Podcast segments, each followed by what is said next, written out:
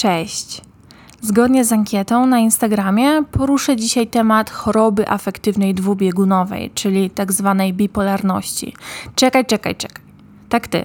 Nie wyłączaj jeszcze. Posłuchaj mnie, usłysz mnie i wtedy możesz już tu nigdy nie wracać, jeżeli ci się nie spodoba. Jednak daj mi się wypowiedzieć, bo mam sporo do powiedzenia tobie, słuchaczu. Cieszę się, że coraz więcej osób się otwiera w temacie swoich chorób psychicznych. Cieszę się, że powoli ten temat tabu upada i mam nadzieję, że już nigdy się nie podniesie. Nie będę tutaj używała terminologii medycznej, nie będę tłumaczyła, co na co wpływa. Opowiem moją historię od środka. Gdyby była to książka, mogłabym ją zatytułować Od sceptyzmu do uświadomienia. Chociaż nie, brzmi to za bardzo coachowo. Bardziej do mnie pasowałby tytuł mm, Jak zjebać sobie życie bez swojej winy. Wyobraź sobie, że jesteś w grze komputerowej 2D, coś takiego jak Mario. Zaczynasz na levelu 0, tak jak zazwyczaj się zaczyna. Jednak nie idziesz w prawą stronę, tak jak twórcy zakładali, tylko odbijasz w lewo. Tam napotykasz windę. Winda ma trzy przyciski: minus 1, 0 i 1. Minus 1 to depresja, czyli tak zwany dół 0 to stan normalności, a 1 to mania, tak zwana góra. Psychiatrzy używają sformułowań jesteś na górze lub jesteś na dole albo w dole. Zjechałaś, zjechałeś na minus 1. Na ekranie pojawia ci się nazwa levelu, czyli, jak wcześniej wspomniałam, depresja. Co cię tam czeka? W opisie widnieje coś takiego jak e, smutek, poczucie beznadziei, apatia, obojętność, brak sensu. Zniechęca cię to, więc wracasz do windy i wciskasz jeden. A tam mania, która charakteryzuje się tym, że czujesz się jak pan świata, tak, że wszystko ci się udaje, cokolwiek sobie zaplanujesz. Masz spotęgowaną wiarę w siebie, więc wpadasz w różne kłopoty finansowe, biorąc kredyty, inwestując pieniądze tam, gdzie nie powinieneś, powinni, powinnaś wpadasz w ciągi seksualne i potem nic nie pamiętasz. Zakładasz firmy, popadasz w zakupoholizm, nie śpisz, pracujesz na zwiększonych obrotach o 200, 300 albo i więcej procent. Milion pomysłów przechodzi ci przez głowę i chcesz je wszystkie zrealizować teraz, zaraz, już. Tylko w przeciwieństwie do mnie, ty możesz tę grę wyłączyć. U mnie przycisk off jest przykryty kamieniami. I tu zaczyna się moja historia. Gdy byłam dzieckiem i tak zwanym podlotkiem, wmawiano mi, że jestem leniwa i mam słomiany zapał. Słyszałam to niemal codziennie od mamy, od braci, wujostwa, ale także od znajomych. Zaczęłam wierzyć w to, że mają rację i przypisywałam te cechy mojemu charakterowi. Im byłam starsza, tym częściej słyszałam te słowa, plus to, że długo śpię i spędzam dni w łóżku. Nie pomagam, nie sprzątam, nie gotuję, nie jem. Wciąż myślałam, że taki mam charakter. Faktycznie, często zabierałam się za coś, ale tego nie kończyłam. To mnie jeszcze bardziej utwierdzało w tym przekonaniu. Od małego byłam też wrzucona na głęboką wodę i pozostawiona sama sobie w wieku 6 lat. Nie winię tutaj nikogo za to, taka była sytuacja. Przez to zawsze słyszałam, że muszę być silna, że jestem. Niektórzy mnie podziwiali za to, co jeszcze bardziej wchodziło mi na psychikę i wytresowało mnie, że gdy będę silna i będę dawała sobie radę, tym częściej dostanę pochwałę. I te, o tę pochwałę się rozchodziło. Jednak to poruszę w osobnym odcinku. Dzięki temu, lub raczej przez to, wmówiłam sobie, że jestem mocna psychicznie. Teraz nie wiem, czy ktokolwiek jest mocny psychicznie i czy faktycznie te słowa coś znaczą. Byłam bardzo sceptyczna, jeżeli chodzi o choroby psychiczne. Kojarzyło mi się to ze schizofrenią, osobami słyszącymi głosy, pejoratywnymi określeniami, właśnie takimi jak wariat, obłąkany, psychol. Takie były czasy, można powiedzieć. I prawdy w tym jest wiele, lecz wciąż mam do siebie nutkę żalu, że kiedykolwiek tak pomyślałam. że bagatelizowałam lęki mojej kuzynki, która mi o nich opowiadała. Nie mogłam w to uwierzyć. Nie mieściło mi się to w głowie. Myślałam wtedy, że dlaczego nie powiesz sobie, nie boję się? Dlaczego nie zmienisz nastawienia? Dlaczego po prostu nie wyjdziesz, masz nogi, idź?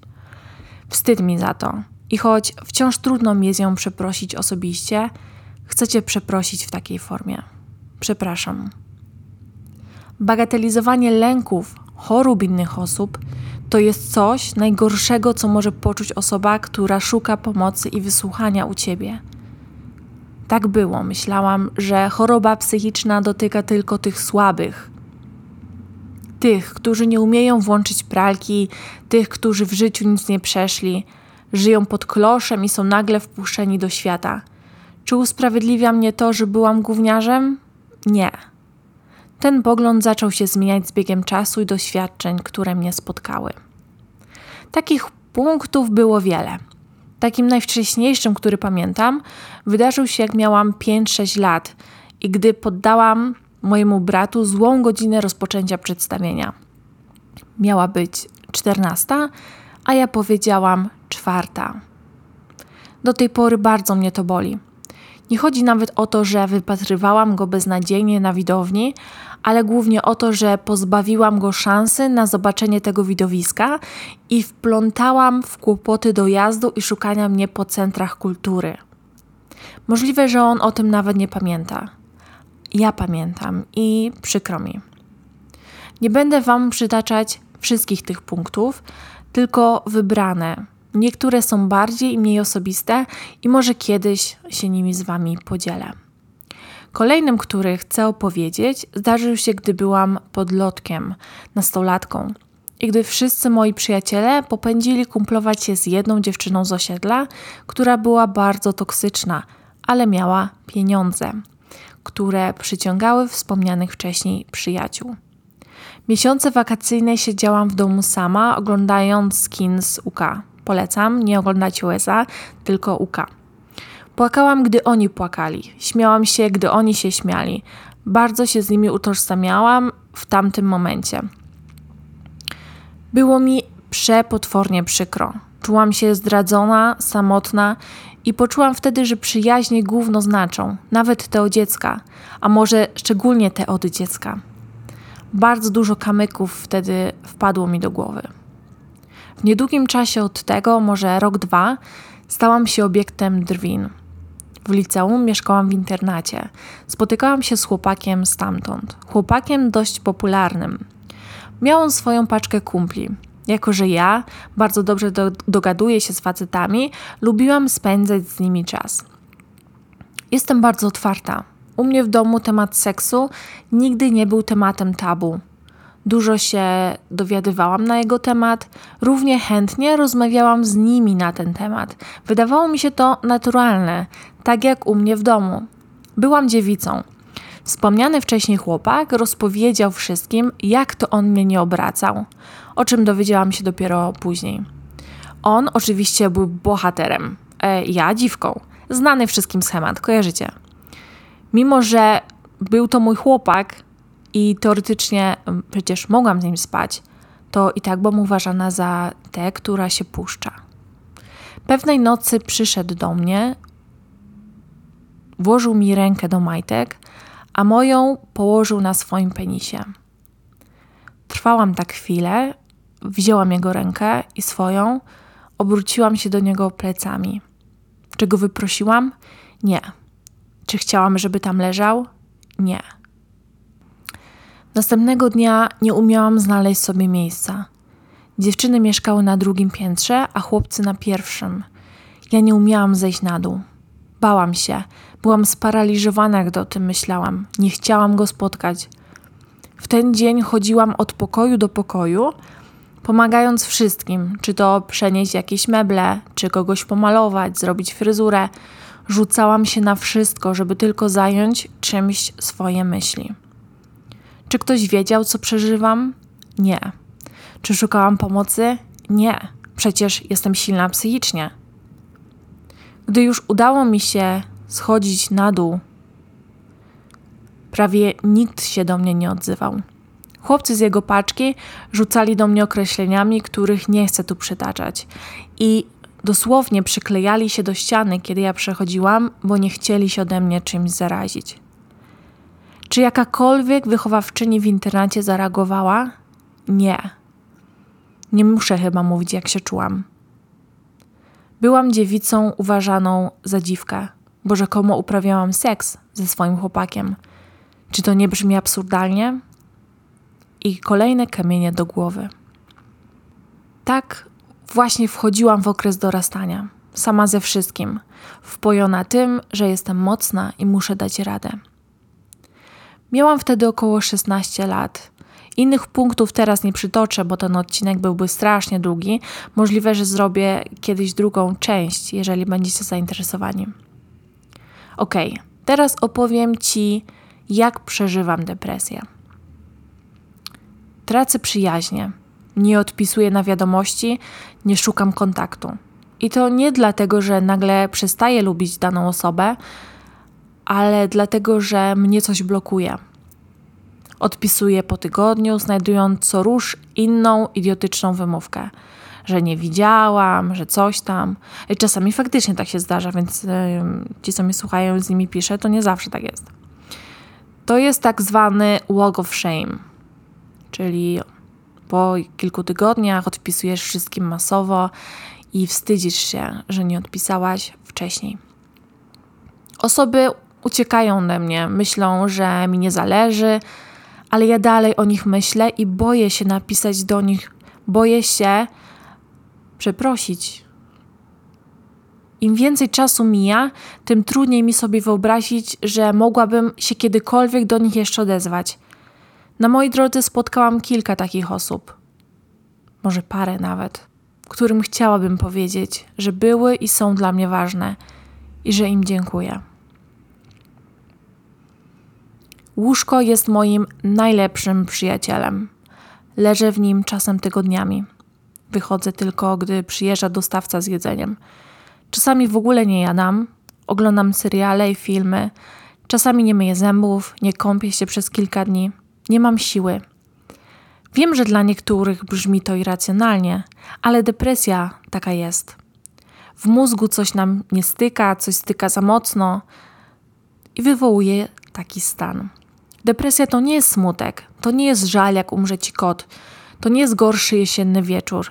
Depresja to choroba, nad którą samemu nie da się zapanować pozytywnym myśleniem, a słyszenie wstań, przejdź się, pobiegaj, nie myśl negatywnie, dasz radę, poćwicz, a poczujesz się lepiej. I tym podobne teksty wprawiają mnie, nas w jeszcze większe poczucie winy. Obwiniam siebie, że nie mogę tego zrobić, że to przeze mnie tkwię w takim stanie, że to jest moja wina, że zasłużyłam sobie, bo nie umiem wyjść pobiegać. Pamiętasz, jak mówiłam ci wcześniej o tym słomianym zapale i lenistwie? No właśnie, tutaj koło się zamyka. Gdyby świadomość wtedy była większa, może ktoś zainteresowałby się moim leżeniem w łóżku całymi dniami. Jednak nie winię tutaj nikogo, tylko sobie marzę, jakby to wtedy było, jakby się wydarzyło. Przytoczę Ci sytuację, która wydarzyła się, jak mieszkałam w Irlandii ze swoim ówczesnym chłopakiem. Bardzo chciałam mieć wrotki. Zresztą ten pomysł chodził za mną od dzieciństwa. Kiedyś jednak nigdzie nie było wrotek, takich fajnych, retro. Dopiero coś zaczęło się dziać w tym temacie jakiś czas temu. Ok, kupiłam sobie wrotki. Nie miałam za bardzo gdzie na nich jeździć. Chciałam się nauczyć tańczyć na wrotkach. Nie interesowała mnie taka jazda rekreacyjna. Jednak tylko raz miałam je na sobie. Słyszałam od mojego chłopaka, od jego rodziny, że kupiłam, a nie jeżdżę. Czasami byłam wyśmiewana przez nich, czasami karcona. A ja leżałam w łóżku we wczorajszej piżamie i wyobrażałam sobie, jak jeżdżę na tych wrotkach, jak robię piruety, jak dobrze się obracam, jak jestem w rytmie. Tylko tyle miałam wyobrażenia. Moje ciało nie mogło się ruszać, nie chciało mnie słuchać, a ich teksty jeszcze bardziej wpędzały mnie w poczucie winy. Depresja to jedno wielkie poczucie winy, apatia, Uczucie, że jesteśmy beznadziejni i że to mi się należy. Nie, nie należy mi się. Sytuacja z wrotkami nie jest wyjątkiem. Tak jest praktycznie ze wszystkim. Nowe ukulele leży w kącie, a w głowie jestem mistrzem grania. Nowy pomysł na kanał na YouTubie, w myślach dodaję odcinki, a w rzeczywistości jestem gruba, brzydka i boję się to zrobić. Większość tych rzeczy, czyli kupno wrotek, ukulele, otwarcie kanału, dzieją się na levelu pierwszym lub na zerowym. A gdy przychodzi minus jeden, to wszystko się porzuca. I to jest tak zwany słomiany zapał u mnie. Kiedyś wpadłam w szambo i podała mi dłoń moja kumpela ze studiów. Zaoferowała mi swoje mieszkanie, mimo że była to malutka kawalerka i pomoc finansową, bym zakończyła pewien projekt. Skorzystałam, byłam potwornie wdzięczna. I co? Leżałam tylko na materacu całymi dniami na ziemi, oglądając Sabrinę nastoletnią czarownicę. Miałam permanentny ból ucha i beznadzieję w sobie. Ona była na maksa cierpliwa, ale do czasu. Potem zaczęła się kwaśna atmosfera. Finalnie wycofała się z propozycji finansowej e, i wyprowadziłam się od niej. Do dzisiaj mi jest strasznie głupio, przykro i jest mi wstyd. I ciebie też chciałam przeprosić. Mam nadzieję, że tego słuchasz. Nie miałam odwagi się do ciebie odezwać. Gdyby ktoś kiedykolwiek opowiedział mi tę historię, nie uwierzyłabym, jak można być takim głupim. Gdybym wtedy zrobiła to, co miałam do zrobienia, to nie wydarzyłoby się to, co doprowadziło do, na do nabawienia się jeszcze większych lęków. A jednak można być tak głupim. Razem w depresji idą za mną lęki. Pierwszych nabawiłam się pod skrzydłem mojego brata, który pod nieobecność mojej mamy wyprawiał imprezy, sprowadzał kumpli i palił w domu. Niszczyli rzeczy mojej mamy, a ja jak pies chciałam ich bronić. Wpadałam w panikę, gdy otwierały się drzwi do domu. Nasłuchiwałam, czy wchodzi sam, czy z kimś. Jak wchodził z kimś, to już wiedziałam, że czeka mnie bezsenna noc, których w młodzieńczych latach było u mnie więcej niż tych normalnych. Do tej pory nienawidzę, jak ktoś pali w domu nie tylko ze względu na zapach, ale przypomina mi to tamte sytuacje, gdy kuliłam się w swojej kajutce jeden metr na dwa i bałam się, co zastanę, jak wejdę do salonu. To czasami godziny trzymania moczu, byleby tylko nie przejść przez salon do łazienki i wstydziłam się ludzi, którzy by tam byli.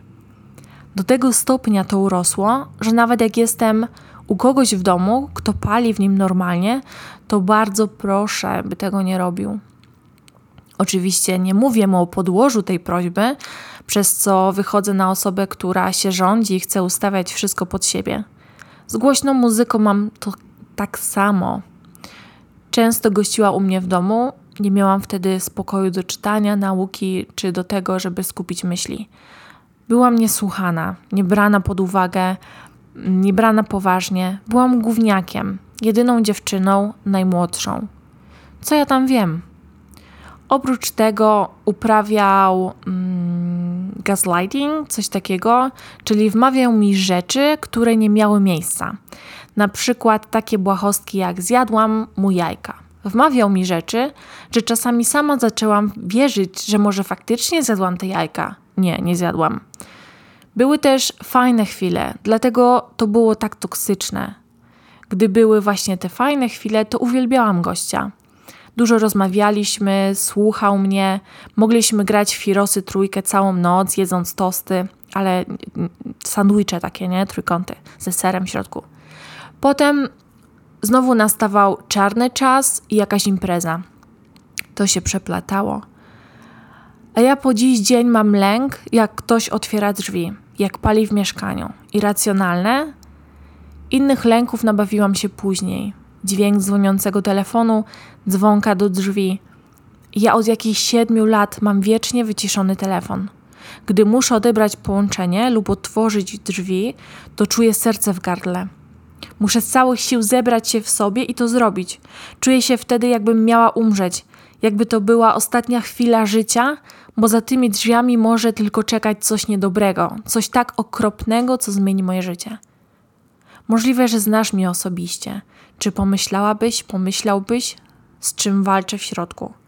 Wiesz, ile razy słyszę, że nie wyglądam, jakbym miała depresję? Ile razy to słyszą ludzie chorzy? Pomyśl, jakie mamy doświadczenie w tłumieniu wszystkiego. Jak nie prosimy o pomoc w ogóle albo rzadko, uśmiechamy się, czasami jesteśmy duszami towarzystwa, a w domu odchorujemy swoje. Czasami wyjście do sklepu graniczy z cudem. Normalne, codzienne czynności to jest dla mnie wyczyn. Nie interesuje mnie wtedy, że stracę pracę, że moje zdrowie się pogorszy, że kogoś zawiodę. Później to do mnie dochodzi i jestem przerażona. Oprócz tego czuję w sobie potworny niepokój. Niepokój paraliżujący moje ciało. Czuję go w brzuchu, czuję go fizycznie. Wyobraź sobie, że budzę się w środku nocy kilka razy. Budzę się nad ranem, mimo że jestem nocnym markiem. Mam około pół godziny, żeby wyjść z domu. Nie dlatego, że mam na określony czas się gdzieś stawić, ale jeżeli do pół godziny nie wyjdę, to znajdę wymówkę, by się nie, by się nie stawić. Mam około pół godziny, te pół godziny, gdy jeszcze jestem ospała i mój mózg nie funkcjonuje na pełnych obrotach. Muszę go codziennie oszukiwać.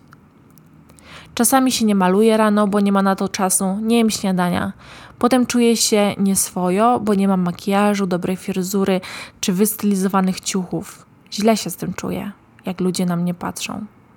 Nie mam na to czasu, muszę szybko wyjść. Staram się umawiać spotkania rano. Jak mam jakieś później, to najprawdopodobniej je odwołam. Gdy na nie czekam, nie mogę nic zrobić. Ja siedzę i na nie czekam. Nie obejrzę filmu, bo będę o tym myśleć. Nie poczytam książki. Nie funkcjonuje. Jestem na pauzie. Mam wtedy po dniu. Gdy coś jest o 17, to prawie cały dzień mam w plecy. Jak o 12, to pół. Gdy słyszę wokół porób coś, co ty świrujesz, to czuję się jeszcze bardziej źle. Porównam ten niepokój do stresu. Często chodzę na przykład do łazienki. Czasami miesza się jedno z drugim. Mam wrażenie, że żyję w permanentnym stresie. Boję się, co to robi z moim mózgiem. Podziwiam zawsze ludzi, którzy wstają rano i pracują na popołudniowe zmiany. Jak oni to robią? Zawsze mnie to zastanawiało. Chciałabym chodzić na popołudniowe zmiany. Byłabym na pewno efektywniejsza, gdy byłabym wyspana. Jednak wtedy sobie przypominam, Jovit, ty nigdy nie jesteś wyspana. Nie lubię pytania, wyspałaś się, bo odpowiedź zawsze jest nie. Przez co wychodzę na pesymistkę i osobę, która przesadza. Nie lubię też pytania, jak tam? Odpowiadam chujowo, ale stabilnie. Chociaż to nieprawda. Po chujowo powinnam skończyć. Wszyscy wokół krzyczą: przesadzasz, ogarnij się, zacznij myśleć pozytywnie. To wpływa, że osoby takie jak ja nie szukają pomocy, bo będą niezrozumiane. Czas na manię. W manii odwaliłam sporo rzeczy, które ciągną się ze mną do dziś i mają swoje poważne i mniej poważne konsekwencje. W manii otworzyłam firmę, a w depresji popadłam w długi, przed którymi wciąż uciekam. Nie mam epizodów takich jak te ciągi seksualne. W manii często libido jest wysoko ponad skalą. U mnie jest e, w miarę normalnie. Lubię jednak to uczucie, że mogę wszystko i to, że wszystko mi wychodzi. Dlatego spora część osób chorujących na chorobę afektywną dwubiegunową lubi ten stan. Jest to odbicie od depresji o 180 stopni. I w końcu coś się dzieje. Jednak dla naszego mózgu mania to zabójstwo. Podjęłam sporo głupich decyzji, wydałam mnóstwo pieniędzy, otwierałam sporo projektów, których nigdy nie dokończyłam, gdy przyszła depresja. Skakanie między levelami to nie tylko hardcore dla mózgu, ale dla nas samych i dla otoczenia, które często nie rozumie naszego postępowania, dlatego uświadamianie jest tak ważne. U mnie mania to głównie pracoholizm. Szybkie działanie, brak snu i szczękościsk. Nienawidzę szczękościsku. Nie kontroluję go wtedy. Chcę się spotkać z ludźmi, chętniej wychodzę, stawiam ludziom żarcie i napitek. Wydaję hajsy, których nie mam, stwarzam sobie w głowie wizję siebie, na przykład taką, że schudnę, nauczę się tatuować i kupię potrzebne mi do tego komponenty, ale nie jakieś tam, wiecie, hmm, najlepsze i najwięcej, całe zestawy najlepiej, bo przecież nie można ćwiczyć w leginsach z Primarka. Trzeba mieć takie specjalne. Oczywiście chuja prawda. Ja raczej wpadam z jednego w drugie. Rzadko się zatrzymuję na tym levelu zero, chociaż na minus jeden tkwię już dłuższy czas. Ja na, na przykład e, nigdy nie myślałam o samobójstwie, ale gdy przechodziło mi przez myśl, że gdyby potrąciło mnie auto, to okej. Okay. Kiedyś się złamałam. Raz. Miałam około 21-22 lata. Wybuchłam płaczem w domu u bratowej. Była za mną koleżanka. Obie wpadły w osłupienie, gdy wydukałam, że nie daję już rady. Nie wiedziały, co się ze mną dzieje. To było coś niespotykanego. Przecież chwilę temu powiedziały do mnie, że jestem taka twarda i to podziwiają. Nic się potem nie stało, oprócz tego, że moja bratowa mnie przytuliła, co było bardzo miłe. Od incydentu w internacie minęło około 8 lat, kiedy pierwszy raz poszłam po pomoc. Nie było to spowodowane naciskami rodziny czy resztkami przyjaciół, którzy zostali, ale sama zebrałam się w sobie, by umówić wizytę u psychiatry. Najśmieszniejsze jest to, że usłyszałam od bliskich, że, że po co. Usłyszałam diagnozę i poczułam ulgę. Wiedziałam, że mam depresję, ale nie myślałam, że moje pochopne incydenty w górze to wynik manii. Dostałam receptę, pomagało mi, jednak zaniechałam leczenia po kilku miesiącach z uwagi na to, że musiałam latać do Polski po recepty. Minęły lata, gdy znowu postanowiłam zebrać się w sobie. Pomiędzy tym czasem nikt się nie zainteresował, że przestałam się leczyć. Luz. Od marca tego roku ponownie przyjmuję leki, dodatkowo zapisałam się na terapię. Bardzo dużo układam sobie w głowie, także dzięki autoterapii. Rozmawiam ze sobą i wyciągam wnioski z sytuacji, które mnie spotkały. Od marca do teraz nie możemy skończyć z moją terapeutką moich opowieści, bo jest ich tak dużo i dzięki temu sporo czeka Cię jeszcze odcinków podcastu.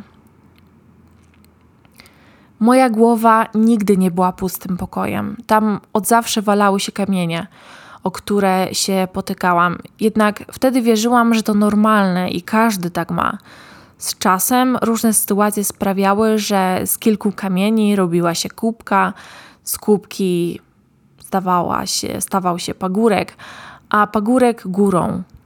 W moim pokoju już nigdy nie będzie pusto, ale staram się, żeby z tych kamieni coś zrobić, żeby to nie była góra, która zasłania mi horyzont, ale na przykład ławka do odpoczynku albo leżak do czytania książek, może nawet dywan, na który z okna pada słońce.